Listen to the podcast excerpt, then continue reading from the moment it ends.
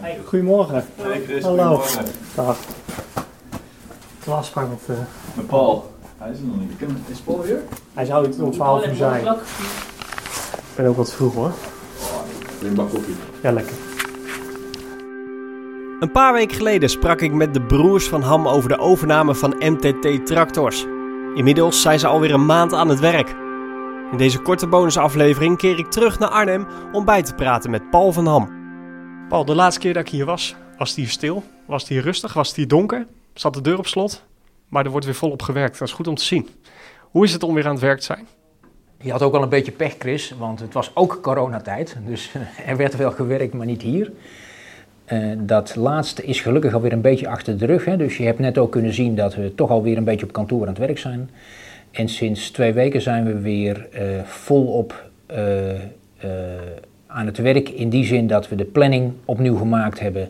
Dat we eh, ehm, eh, eh, de, de werkplaats weer op orde aan het maken zijn. En dat we echt weer een, een, een doel hebben, een stip op de horizon waar we uit willen komen.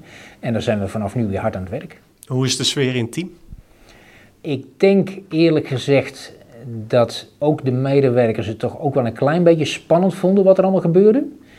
En dat ze in ieder geval heel blij zijn dat we doorgaan. Dat merk ik heel duidelijk. En eh, dat, dat eh, afgelopen eh, anderhalve week dat we ook echt hard gewerkt hebben met elkaar. Dus dat, dat, dat gaat volgens mij weer goed. Maar het, het, zijn, nou ja, het, het zijn allemaal jonge, jonge mensen, het begin van hun carrière. En ja, het is niet niks om dan te horen dat je bedrijf failliet gaat. Dat is toch voor heel veel Nederlanders is dat een soort eind van de wereldgevoel. En dan zijn er een paar mensen die tegen mij zeggen: ja, in Amerika tel je pas mee als je een faillissement achter de rug hebt. Nou, dat weet ik niet, maar het, het is wel een ervaring. Het is wel een ervaring. Hoeveel levensjaren heeft het gekost? Mijn vader is gisteren 98 geworden, dus op zich het uitgangspunt is goed. dus ik, eh, ik heb nog steeds hoop dat ik eh, nog een paar jaar te gaan heb. Ja. Goed zo. MTT Tractors is overgenomen door eh, H2 Trak. En dat bedrijf is opgericht door uw broer Peter Jan. Is hij nu uw leidinggevende? Ja, feitelijk wel. Ik ben, eh, ik ben eh, in dienst bij, bij mijn broer. Ja, dat klopt. Ja, dat klopt. Hoe is die taakverdeling? Eh, die taakverdeling is eigenlijk al eh 50, 55 jaar hetzelfde. Wij, zijn, wij hebben een leeftijdsverschil van anderhalf jaar. Wij bouwden samen skelters, we hebben lichtfietsen gemaakt, tandems gemaakt, we hebben een buggy gebouwd. En de rolverdeling was eigenlijk altijd hetzelfde. Ik deed de techniek, het idee en het werk. En Peter Jan zorgde dat het gereedschap er was, dat we een rekening hadden bij de plaatselijke smid, dat onderdelen kwamen en dat er ook gebouwd kon worden. En feitelijk is dat nu ook een beetje de rolverdeling. Ik doe de landbouw, de techniek en het werk eh, in de werkplaats en hij doet de zakelijke financiële kant. En dat betekent dat hij hier fulltime aanwezig is? Nee, nee, nee, daar is het bedrijf nog te klein voor. Eh, hij eh, maakt een deel van zijn week vrij, afhankelijk van wat er dan nodig is. En dat is de afgelopen maanden is dat wat meer geweest. En ik denk als het eenmaal loopt, dan kan dat weer een klein beetje terug. En als het bedrijf groter wordt, dan kan het weer wat groter worden. Heeft uw broer al eerder een trekker gebouwd? Nee, nee, nee, we hebben samen een buggy gebouwd.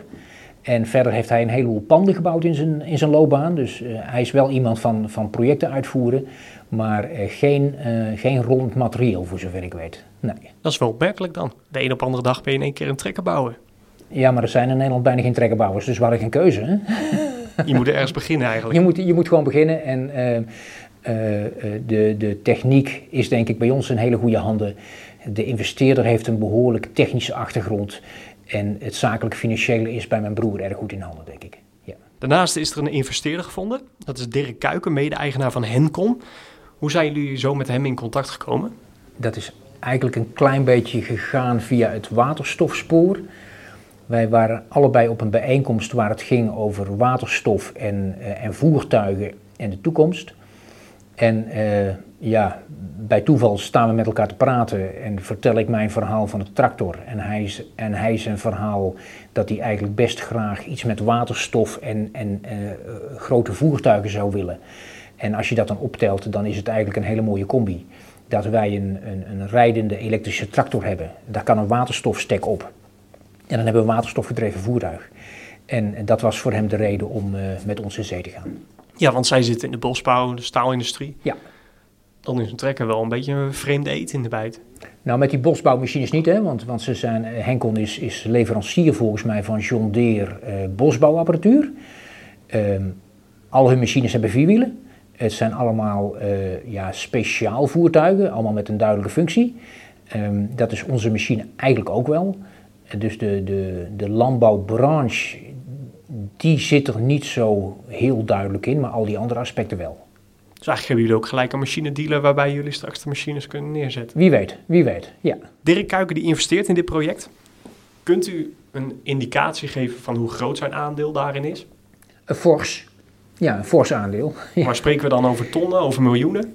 Eh, ja, dat is altijd informatie die volgens mij niet op tafel komt. En eh, eh, kijk rustig naar wat wij de komende drie jaar aan het doen zijn en maak je rekensommen en dan heb je wel een beeld, denk ik.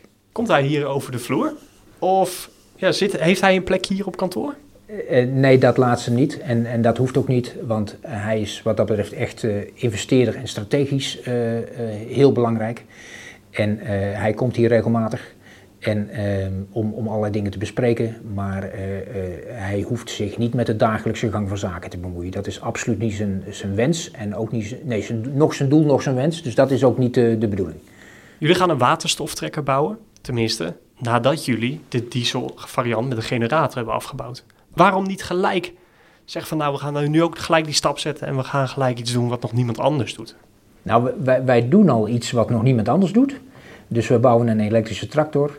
Ehm, het, het plan was klaar met de dieselgenerator. Eh, wij denken dat we eh, aan de hele onderkant, ehm, die verandert niet echt door de waterstof. Dus daar kunnen we gewoon mee door. Dat is ook de snelste weg. Hè? Dus we hebben veel eerder een diesel-elektrische tractor klaar als een waterstof-elektrische tractor. En laten we dan de tweede machine, daarvoor willen we wel graag die waterstofunit klaar hebben. En ehm, eh, dan hebben we ook een aanbod. Ik, ik weet niet of de. Of, of, ja, ik, nee, laat ik het om- omdraaien. Ik denk dat het goed is om zowel diesel-elektrisch als waterstof-elektrisch aan te kunnen bieden. Dus dan, dan kunnen we meerdere boeren kunnen we bedienen, denk ik. Hoe gaat die, die waterstofmachine werken? Uw broer die had het al even uitgelegd en die vertelde over een range extender, maar dan blijft het toch weer een stroomgenerator. Ik was hem even kwijt. Ja, dat is ingewikkeld en dat komt omdat we daar twee sporen in hebben.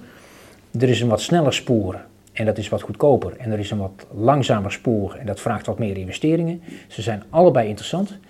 Het eerste spoor is gebruik te maken van een dieselmotor die geschikt is voor aardgas. Dan kunnen we op hele korte termijn een waterstofvariant aanbieden. Eh, alleen dan blijf je wel een verbrandingsmotor houden. En dat is op termijn betekent dat iets minder efficiënt. Dus dan heb je eh, anderhalf keer zoveel waterstof nodig ongeveer. Het grote voordeel is dat die aanmerkelijk goedkoper is op een termijn van 2, 3 jaar, omdat de, de componenten op dit moment gewoon goedkoper zijn. En dat je daarmee de keten, want alleen een waterstoftractor, daar heb je niet zoveel aan. We moeten ook de, afvoer, de aanvoer van waterstof regelen, de productie regelen. Dat je de keten wel vast een klein beetje vorm kunt gaan geven. Dus dan zou je ergens in het buitengebied, ik noem maar wat in Flevoland, zou je een productie, een tankstation en het gebruik zou je kunnen gaan organiseren. En dan, dan heb je eh, in ieder geval een aantal jaren winst op de tweede variant. En dat is een eh, waterstofstek. Daar zit niet echt een verbranding in, zoals die in een verbrandingsmotor zit. Maar daar wordt waterstof en zuurstof omgezet in stroom en water. En dat maakt geen geluid, dat draait niet rond. Dat is een chemisch pro- proces. En eh ja, verbrandingsmotor is natuurlijk ook een chemisch proces, maar daar zit steeds een ontploffing in. En een hoop warmte en, een hoop, en, daardoor ook een hoop verliezen. Dus we hebben een snelle variant en een wat langzamere variant. Eh, de hele wereld denkt dat op termijn de waterstofstek zal winnen. Maar waarom zou je een grote stap niet in twee kleine stappen kunnen doen? En dat is vaak ook eh, qua investeringen veel slimmer. Dan kun je de markt voorbereiden en dan kun je gewoon twee kleine stappen zetten en dan ben je er ook. Dat is een beetje ons, onze gedachte nu en dan zullen we de komende weken, de komende maanden, zullen we daar een besluit in nemen en, en aan het werk gaan. U gaf vorige keer al aan, de trekker gaat niet verder onder Multitool Track. Is er al een naam wel bekend? Nee, we zijn bezig en we gaan binnenkort met het hele team eh, gezellige middag naar een, eh, een, een, een, een namenexpert. Of een bedrijf wat ge, eh, expertise heeft in namen maken. En dan gaan we eens kijken wat het gaat worden. Maar wij als landbouworganisatie hebben duizenden abonnees Ja? die waarschijnlijk ontzettend creatief zijn. Nou, zet ze alsjeblieft in actie. Ja? Ja, Een winactie? ja een winactie, uiteraard. Ja. Op zijn minst een leuke proefrit.